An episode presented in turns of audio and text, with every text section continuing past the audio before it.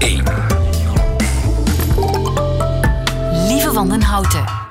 Nieuwe feiten. Dag en welkom bij de podcast van Nieuwe Feiten, geïnspireerd op de uitzending van 12 februari 2020. In het nieuws vandaag dat ongehuwde mensen binnenkort misschien toch legaal seks kunnen hebben in de Amerikaanse staat Virginia. Volgens artikel 2, paragraaf 18 van het strafwetboek maakt, en ik citeer, elke persoon die niet getrouwd is en die vrijwillig geslachtsgemeenschap heeft met een andere persoon, zich schuldig aan ontucht. En dat is een misdrijf waarop boetes staan tot 250 dollar. Naar verluid wordt het wetsartikel nog weinig toegepast. Maar de Democratische Partij in Virginia vindt dat de tijd rijp is om het te schrappen. Kennelijk was de tijd in 2005, 2014 en 2018 niet rijp, want toen lukte het niet om het artikel te schrappen. Benieuwd of het nu wel zal lukken. De Kamer heeft de schrapping al goedgekeurd.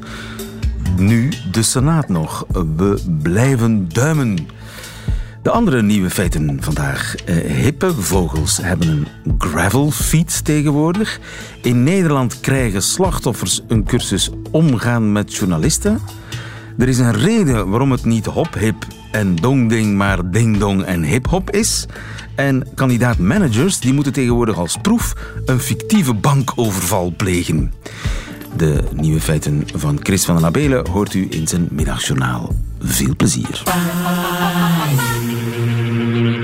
Lieven van den Houten.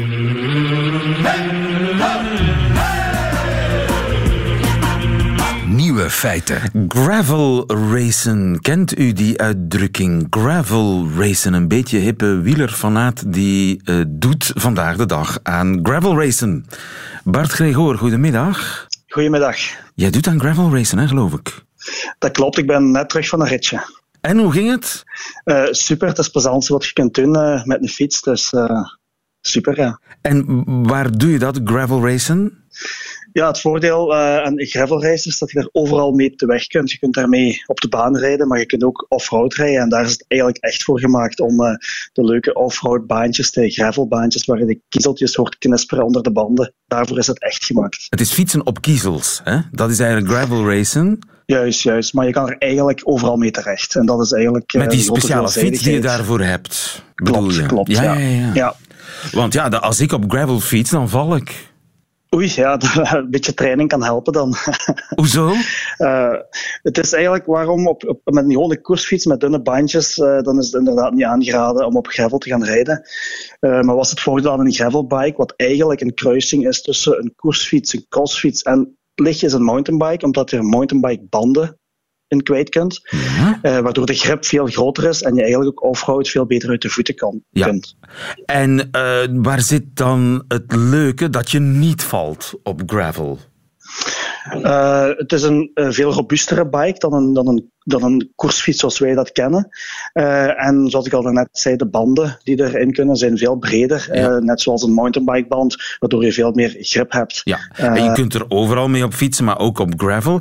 Maar wat is zo leuk aan fietsen op gravel? Moet je dan harder duwen? Want je hebt een zekere snelheid nodig, want anders ga je toch vallen. Ja, het, het grote, het grote voordeel is eigenlijk dat je elk baantje kunt inrijden met een gravelfiets. Wat je niet kan met een, met een koersfiets, een gravelbike, kan je zeggen, kijk, ik rij op de baan, maar ik kan nu even off-road gaan rijden.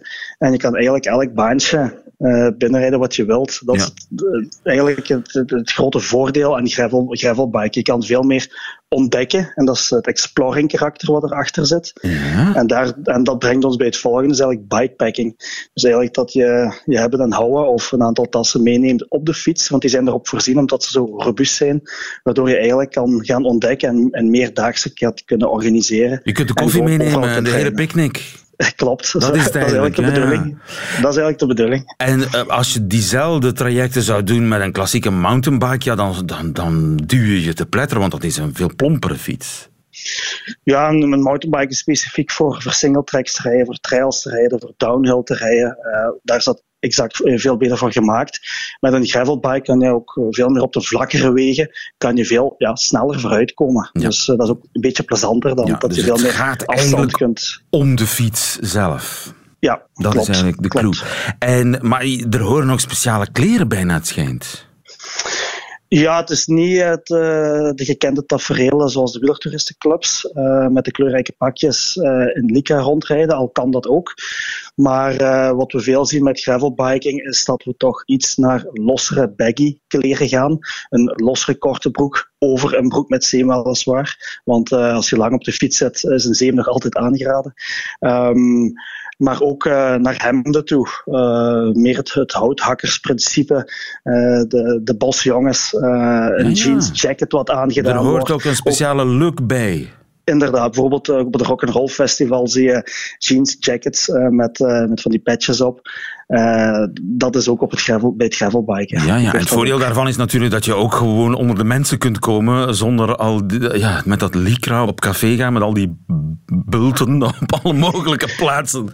Dat is niet is altijd even stijlvol, zal het maar zijn. Ja, sommigen zien het heel graag, anderen iets minder. Uh, maar je kan eigenlijk veel meer aan op de, op de gravelbike, dat klopt. En zijn er ook speciale events? Ja, inderdaad. Ik zelf uh, heb een aantal jaar geleden het eerste gravel-event in Vlaanderen uh, opgericht. Dat was de, de Lumberjack Gravel Ride. Is in Limburg, het Nationaal Park Hoge Kempen. Dat was twee maanden na het eerste event ook in, in, in België. Um, en zo zijn er verschillende events nu de laatste jaren opgedoken in België en Nederland, maar ook overal ter wereld zelfs. Het is echt uh, op wereldvlak dat het wordt, uh, wordt uitgeoefend nu, want het komt eigenlijk overwaaien vanuit, uh, vanuit Amerika. En het draait niet om winnen. Uh, nee, winnen is echt ondergeschikt. Als je dat nu links en rechts ook wel opduiken, maar het gaat echt wel om het ontdekken, om het plezier, om, om samen te rijden met kameraden, om daarna uh, iets, iets te drinken en te eten, een muziekje erbij, uh, gezelligheid. Het is een, hele, een hele cultus eigenlijk, het gravel racen. Yes. Aha. En als het dan niet om winnen draait, draait het dan om de vriendschap, de kameraadschap, de gezelligheid? Camaraderie is, zeer belangrijk. Daar draait het eigenlijk ja, daar draait het volledig rond. Uh, wat niet wil zeggen dat er stevig kan doorgereden worden. Ja, want... uh, en als er een event wordt georganiseerd, zijn er toch een aantal die altijd als eerste willen aankomen. Dat ga je nooit kunnen vermijden. Ja, je hebt altijd maar, natuurlijk uh, mensen met heel veel testosteron, dat bestaat. Dat bestaat zeker. ja. en, maar het is alleen maar voor amateurs, of kun je er ook, zijn er ook profs? Tegenwoordig? Er zijn ook, er zijn de, de dag van vandaag zijn er heel wat profs die er ook mee bezig zijn. Zo denk ik aan, uh, aan, aan Tim Wellens, die het ook heeft gedaan uh, met, uh, met Lotte Soudal. Uh, is hij samen met Thomas de Gent van, van Italië teruggereden, als ik niet vergis, naar, naar, naar België. Uh, over een zes, zeven dagen met de gravelbike. Uh, maar Education First uit Amerika doet, het, doet er ook heel actief aan mee en stimuleert zijn renners om mee te doen ja. aan gravel-events over de wereld, maar ook in, ja. vooral in Amerika. Dat, dat is dan het officieuze wedstrijdcircuit, daar valt geen geld te verdienen. Niet dat ik weet, ja. nee. nee.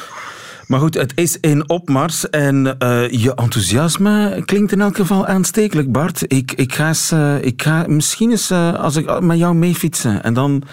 Dat is heel fijn. maar ik, heb, ik moet natuurlijk nog zo'n speciale fiets kopen dan, of lenen ergens. Ja, ik, ik zal de fiets regelen als jij uh, een jean jacket met Black Sabbath of zo voorziet. Oké, okay. uh, dan, dan moet ik eens heel diep uh, in mijn kast kijken. Dankjewel Bart Gregor. Goedemiddag. Oké, okay, tot ziens. Dag. Nieuwe feiten. Mensen die het slachtoffer worden van een afschuwelijk misdrijf, ik zeg zomaar iets, dochter ontvoerd, gezin gegijzeld, man vermoord, iets van die orde, die mensen moeten niet alleen die misdaad zelf verwerken, maar ook de journalisten. En daarom is er nu Hans Faber. Goedemiddag, meneer Faber. Goedemiddag. Oprichter van uh, het communicatiebureau Namens de Familie, een communicatiebureau voor slachtoffers. Want u, u ja. heeft het zelf meegemaakt, hè? Ja, klopt. Uh, nou, Namens de Familie is, niet, uh, is geen, geen communicatiebureau. Het is een initiatief. Inmiddels maakt het onderdeel uit van Slachtofferhulp Nederland. En, uh, en er zijn meerdere oprichters, uh, of een aantal mensen die, uh, nou ja, die een en ander hebben meegemaakt. En ook mensen van de politie zijn betrokken bij, bij namens de familie. Ja. En dat klopt, ik heb inderdaad zelf meegemaakt dat mijn, mijn nichtje Anne nou, ruim twee jaar geleden is, was vermist. En uiteindelijk ook is gevonden en nou, ze is vermoord.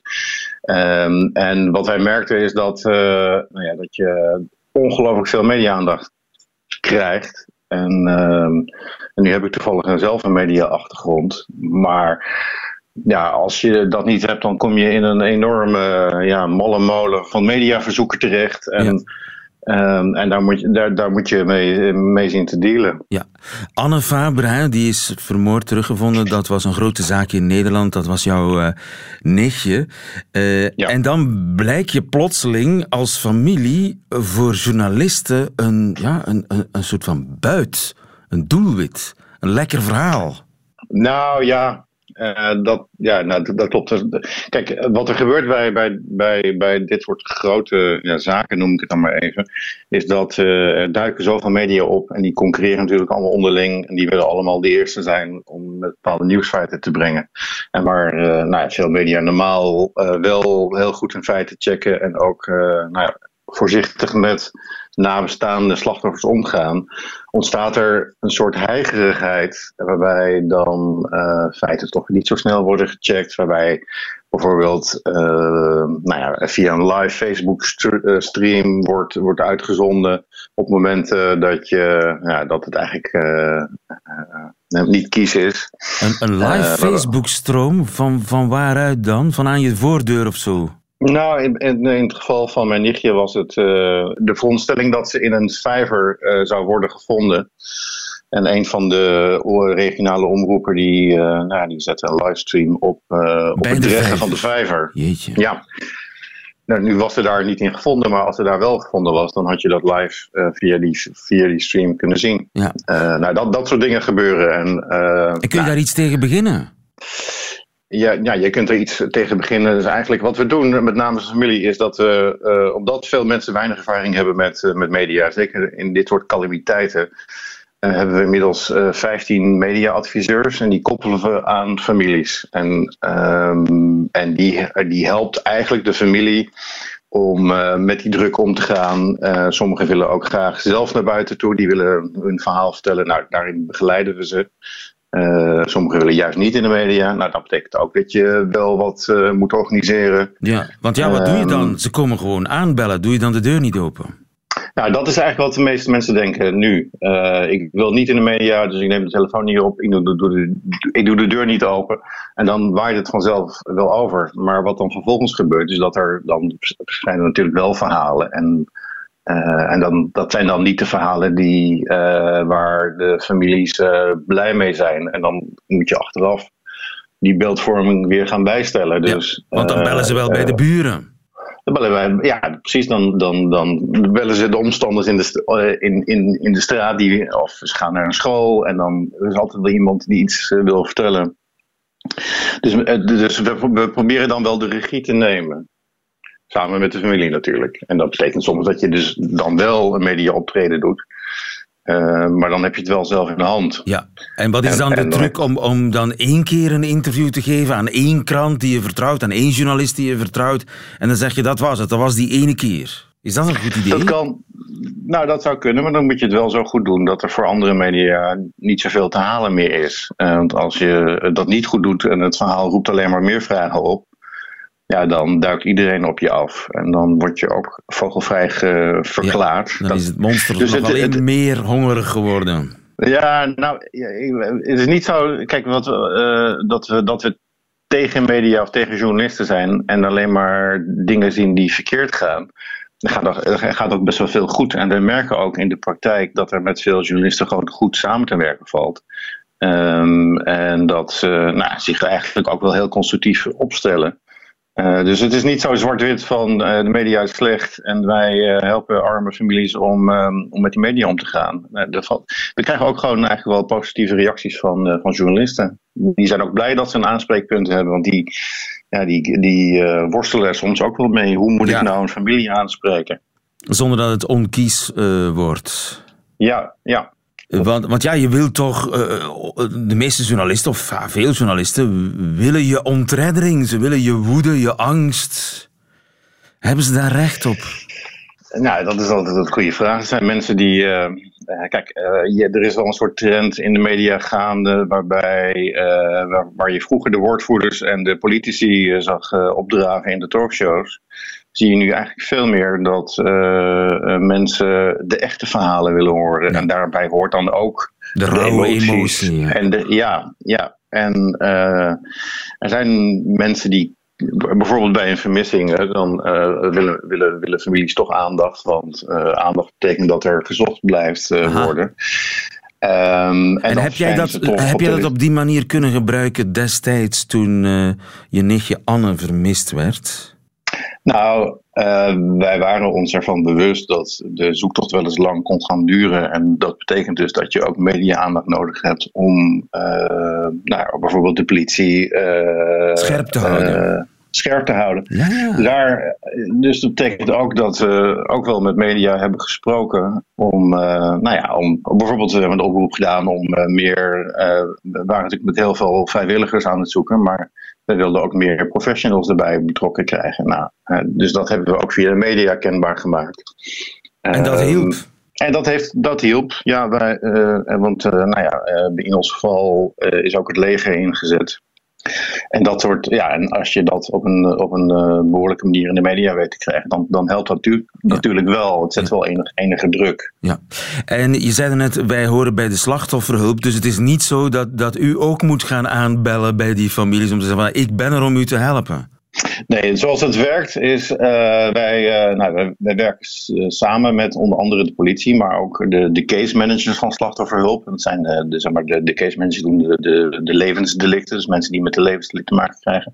En zij verwijzen families door naar ons. Dus als een politie, een communicatiepersoon van de politie ziet van deze familie heeft hulp nodig, want er, er ontstaat een mediadruk. Dat, dat, dat zien zij, dat kunnen ze, kunnen ze aanvoeren, dat, nou, dat kunnen ze inschatten.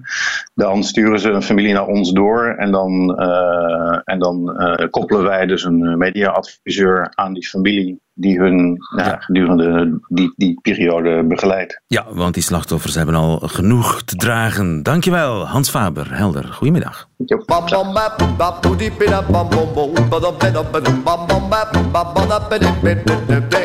Nieuwe feiten. Heeft u zich ooit al eens afgevraagd waarom u pingpong zegt en niet bijvoorbeeld pongping, want dat zou toch ook kunnen? Toeval, denkt u? Wel, toch niet. Herman Boel, goedemiddag. Goedemiddag, lieve. Je hebt over deze pingpong-kwestie een blog geschreven op de Taalfluisteraar, die hele fijne taalblog.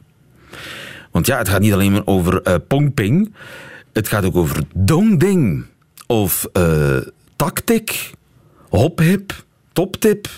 Waarom klinkt het allemaal zo idioot? Is dat omdat we het nooit anders, uh, nooit zo gehoord hebben? Nee, er bestaat, er is een reden voor, een echte regel, een taalregel, die we allemaal toepassen, maar zonder dat we er onszelf van bewust zijn. Ah, er is een regel. Een taalregel er is een regel, die heeft een hele moeilijke naam, dat heet ablaut-reduplicatie. De ablaut-reduplicatie, mooi. dat ga ik helemaal vergeten, onmiddellijk. Maar dat is niet erg, hè? Dat is niet erg. Nee. En, uh, reduplicatie ja. Kun je daar ook een e- eenvoudige uh, benaming voor bedenken voor die ablaut uh, dinges? Je zou dat de IAO-regel kunnen noemen. Dat kan ik wel onthouden. De IAO-regel. Dat betekent dat um, als je woorden herhaalt, zoals uh, King Kong, hè, dat zijn twee keer dezelfde woorden, maar met één klankerwissel één klankwissel. Ja. Dat, dan gebruik je altijd de volgorde I-A-O. Dus de I komt voor de A, de A komt voor de O, de I komt voor de O en de A komt voor de O. Altijd? Daarom heb je dus nagenoeg altijd. Bim, en dat bam, geldt niet bom. alleen voor het Nederlands, dat geldt voor heel wat uh, West-Europese talen. Zo. West-Europese talen, Germaanse talen, Romaanse Germaanse talen? talen vooral, Germaanse vooral talen. Germaanse talen ja. Oké. Okay. Uh, bed, bad, brood. Ik zeg maar bim bam bom. Bim bam bom, zoals in broeder Jacob. Je gaat nooit anders horen. Ja, gek hè, hip-hop, het klopt. TikTok, tip-top, kris, kras, flip-flops, king, kong, ding dong. En is daar een, zit daar een verklaring voor? Of dat is nu eenmaal zo? Dat uh, is eenmaal zo. Men heeft geprobeerd om daar van alles uh, qua reden voor te vinden. Eén theorie zou zijn dat je eerst een klinker gebruikt die achteraan in je mond wordt gevormd, gevolgd door een klinker die vooraan wordt gevormd, om het dan af te sluiten. Ja. Maar helemaal sluitend is die theorie toch niet. Maar uh, men, is, men is het er niet over eens. Ja. Het is nu eenmaal zo. En het is gek genoeg in alle, of vrijwel alle Germaanse talen zo, dat eerst de I, dan de A, dan de O. Ja, nu het komt ook in andere talen voor. Je gaat het ook in, in Frans en zo tegenkomen, maar niet Ah ja? noodzakelijk met dezelfde heb je daar vorm. een, voorbeeld van in het Frans? Oh, ehm, nee, dat zou ik eerlijk gezegd moeten opzoeken. Daar heb ik mij niet, Niet mee bezig gehouden. Maar ehm, je hebt toch ook koetjes en kalfjes en kannen en kruiken en Laurel en Hardy en Suske en Wiske. Hoe zit het daarmee? Ja, ik denk niet dat je daar een vaste regel voor hebt. Bij koetjes en kalfjes kan ik mij inbeelden dat je van groot naar klein gaat. Dat heb je bijvoorbeeld ook met. eh, ehm, we hebben het altijd over honden en katten. Ja, We ja. hebben het over Tom en Jerry. Ehm, dus dat ga je altijd van groot naar klein. Dat is geen eh, algemene regel. Ik denk dat je daar best wel uitzonderingen kunt op vinden. ja. En de regel zal misschien veranderen afhankelijk van het onderwerp. En het is natuurlijk ook geen verplichte regel. Het is gewoon wat je zelf lekker vindt en dat Ja. zeg je maar. Maar koetjes en kalfjes is dus een uitzondering omdat het van groot naar klein gaat. En als je zoiets zegt als vieze oude man, je zegt toch nooit Ja. oude vieze man? Raar hè? Nee, ook daar bestaat een regel voor. Ehm, die heeft geen specifieke naam, maar die regel zegt dat je de bijvoeglijke naamwoorden, de adjectieven, dat je die in een heel specifieke volgorde plaatst. En die volgorde is mening, grootte, leeftijd, vorm, kleur, herkomst, materiaal en doel. Alright. Dus eerst komt de mening, dan de grootte, dan de leeftijd, dan de vorm, dan de kleur, dan de herkomst, het materiaal en dan het doel. En dat zijn regels die we allemaal kennen. Die we gewoon allemaal Onbewust- toepassen, Onbewust onbewust. passen we die toe. Dus wij gaan zeggen, een vervelende, grote, 40-jarige, ronde, groene man. En we gaan dat altijd in die volgorde zetten. We zullen die volgorde nooit veranderen. Of toch heel zelden. Lieve kleine piranha. Bijvoorbeeld. En niet, Lieve is een mening, Ja. kleine is de grote. En dan kom je zelfstandig na. Hoor. want kleine lieve piranha, dat klinkt raar. Bizar. Ja, Blue suede shoes. Klopt ook, ja, hè? dan heb je Blue eerst blauw, en, eerst blauw en, Ja. en dan eerst de kleur en dan de herkomst of het materiaal. Dus het is altijd die volgorde. Suede blues. Ik kan het niet eens zeggen. Suede blue shoes. Ik kan het niet eens zeggen. Dus ook daarin, in de woordvolgorde, zit een regel, een hele ingewikkelde regel, die we niettemin gewoon toepassen. Maar, Ja. wacht eens even. Grote boze wolf. Aha. Klopt niet, hè? Grote Ja. bo- boze wolf. Inderdaad, maar Grote Boze Wolf komt eigenlijk uit het Engels.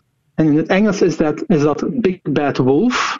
En daar IAO. speelt dan weer de IAO-regel. Dus de IAO-regel overstemt, is sterker dan de mening grote leeftijdsvorm, kleur, herkomst, materiaal, doel regel. Big Bad Ja, Wolf in dit geval wordt ook. boze grote wolf. Maar eigenlijk... In dit geval ook omdat we het uit het Engels overnemen. Ah ja...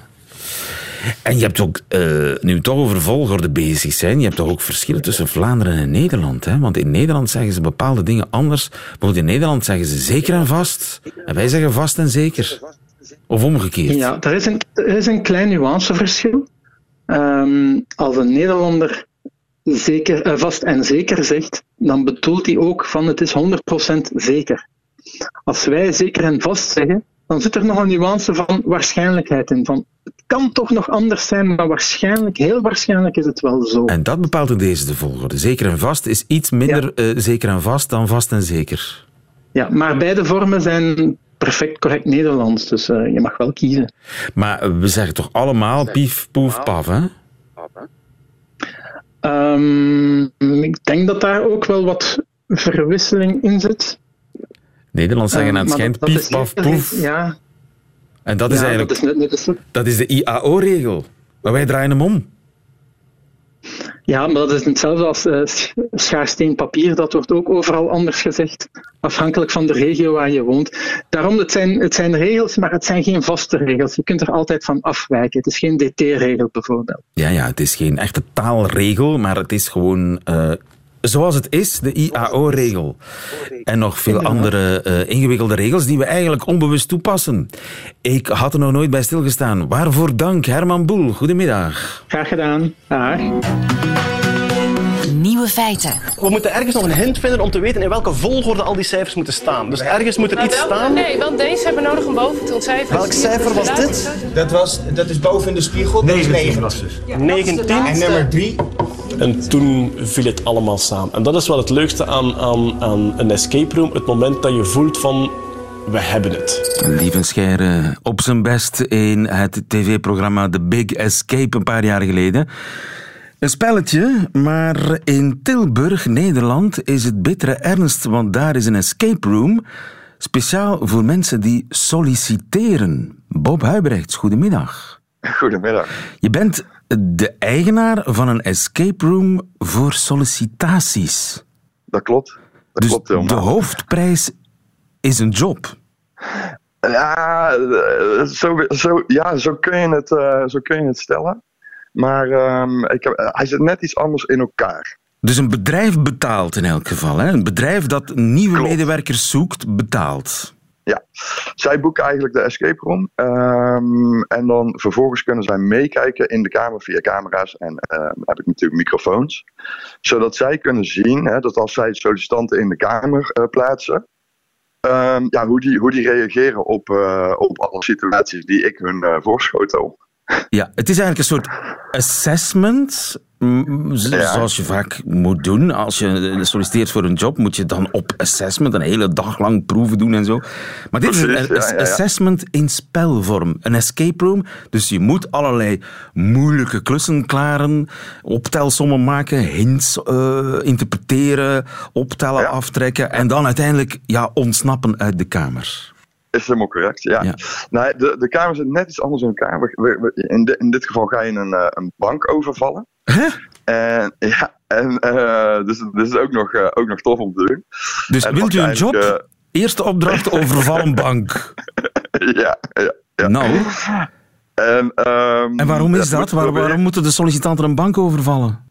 Nou, zij moeten proberen zoveel mogelijk geld te stelen uit die bank. dat is inderdaad en, ook vaak een job. Ja, ja, ja.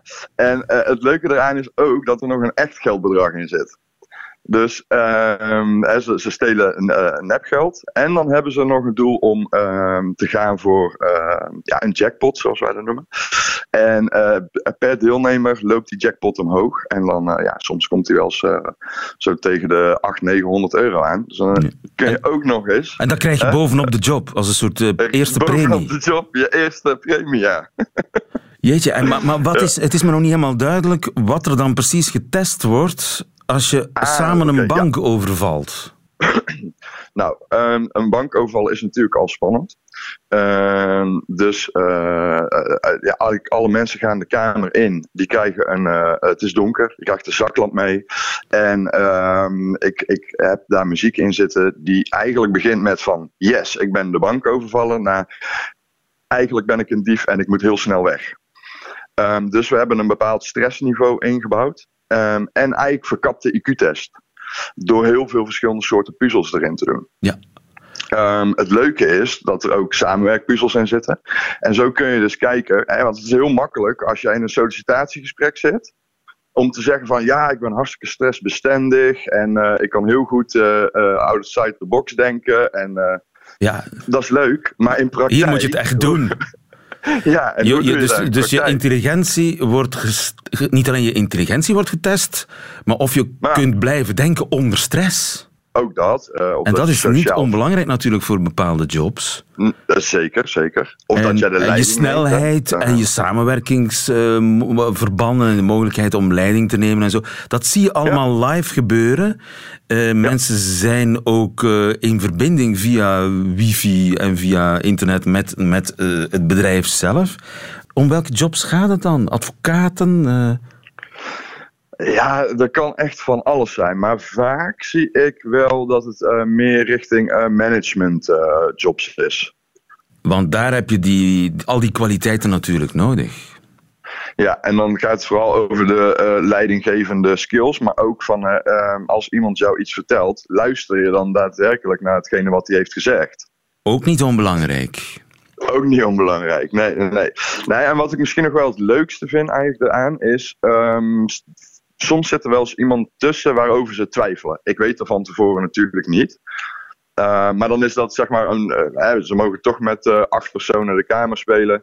Ze hebben bijvoorbeeld een, een sollicitatieprocedure gehad. Ze hebben er vier waarvan ze denken, nou, die zijn echt hartstikke geschikt. En dan hebben ze nog één over. En dan denken ze, nou, dat weet ik niet, net zo niet. Ja. En dat die persoon er dan juist, weet je wel, op dat moment er bovenuit kan springen. Oké, okay, een twijfelgeval. Dat zijn altijd de moeilijkste, hè? Dat zijn altijd de moeilijkste. Dat zijn altijd de moeilijkste. En, ja, en vaak zijn de sollicitatiegesprekken nog vooraf aan de escape room. En natuurlijk, dat snap ik, hè, dat je een, een, een, bepaalde selectie maakt. Alleen stel nou dat er iemand is die eigenlijk perfect is voor de job, uh, maar zichzelf niet kan verkopen tijdens zo'n uh, tijdens zo'n gesprek. Dan zou het wel heel tof zijn als hij bijvoorbeeld bij de escape room dus wel kan laten zien wat zijn kwaliteiten zijn. Ja. Heb je een speciale naam voor je escape room? Uh, nee, ja, hij heet gewoon De Bank. de Bank. De, de Bank. De Bank in uh, Tilburg voor alle bedrijven ja. die op een andere manier hun sollicitanten willen beoordelen. Helder, dankjewel Bob Huibrechts. Goedemiddag. Alsjeblieft, goedemiddag. Radio 1. Wat waren ze de nieuwe feiten van 12 februari 2020? U hoort alleen nog die van Chris van den Abelen in zijn middagjournaal. Nieuwe feiten. Middagjournaal. Beste luisteraar, ik houd van porno. En het was er nog niet van gekomen, maar eindelijk ben ik ze gaan bekijken. De tentoonstelling in de bibliotheek op het Consciencepleintje in Antwerpen. Tussen die duizenden oude, waardige boeken een tentoonstelling over porno. In teksten, tekeningen of foto's. Tot begin jaren 80 van de vorige eeuw, want dan begon er met de video een nieuw porno-tijdperk. Jonge mensen kunnen zich dat wellicht niet voorstellen, maar vroeger moest je echt moeite doen om aan porno te raken.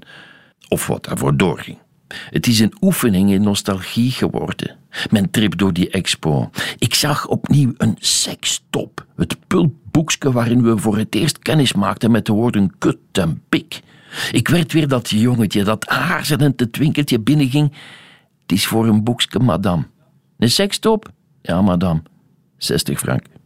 Er lag zo'n chic boek waar bezoekers van de expo iets in kunnen schrijven. Een ongetwijfeld wat jongere mens had erin geschreven: Fijn, maar hoe komt het dat er geen piemels te zien zijn? Ik had hem of haar kunnen uitleggen waarom. Omdat er in het landelijke Vlaanderen van de jaren zeventig nog geen piemels getoond werden. Wij moesten het doen met beschrijvingen in sekstop. Om piemels te zien moesten we de grens over naar Sluis of naar Hulst. De namen klonken als oorden van verderf en dus bijzonder aantrekkelijk. Toen ik terug buiten was en mijn fietslot losmaakte, zag en hoorde ik een statige oudere heer en een jongere dame discussiëren, Nederlanders. Dat hij daar naartoe wou, zei de heer. Nee, antwoordde de jonge vrouw. Een bibliotheekmedewerker die een rookpauze nam, zei: Er is niets chockerends te zien hoor. Waarom staat er dan enkel voor volwassenen op die affiche? vroeg de jonge vrouw terug. Ze had duidelijk haar beslissing al genomen. Nee, opa, zei ze, ik ga geen porno kijken met jou. Als je wil, ga maar. Ik drink wel ergens een koffie.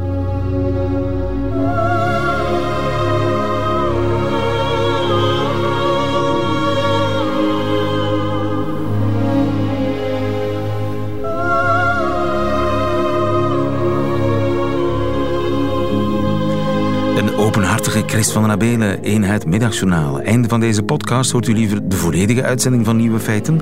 Met de muziek erbij, dat kan natuurlijk via de luisterapp van Radio 1.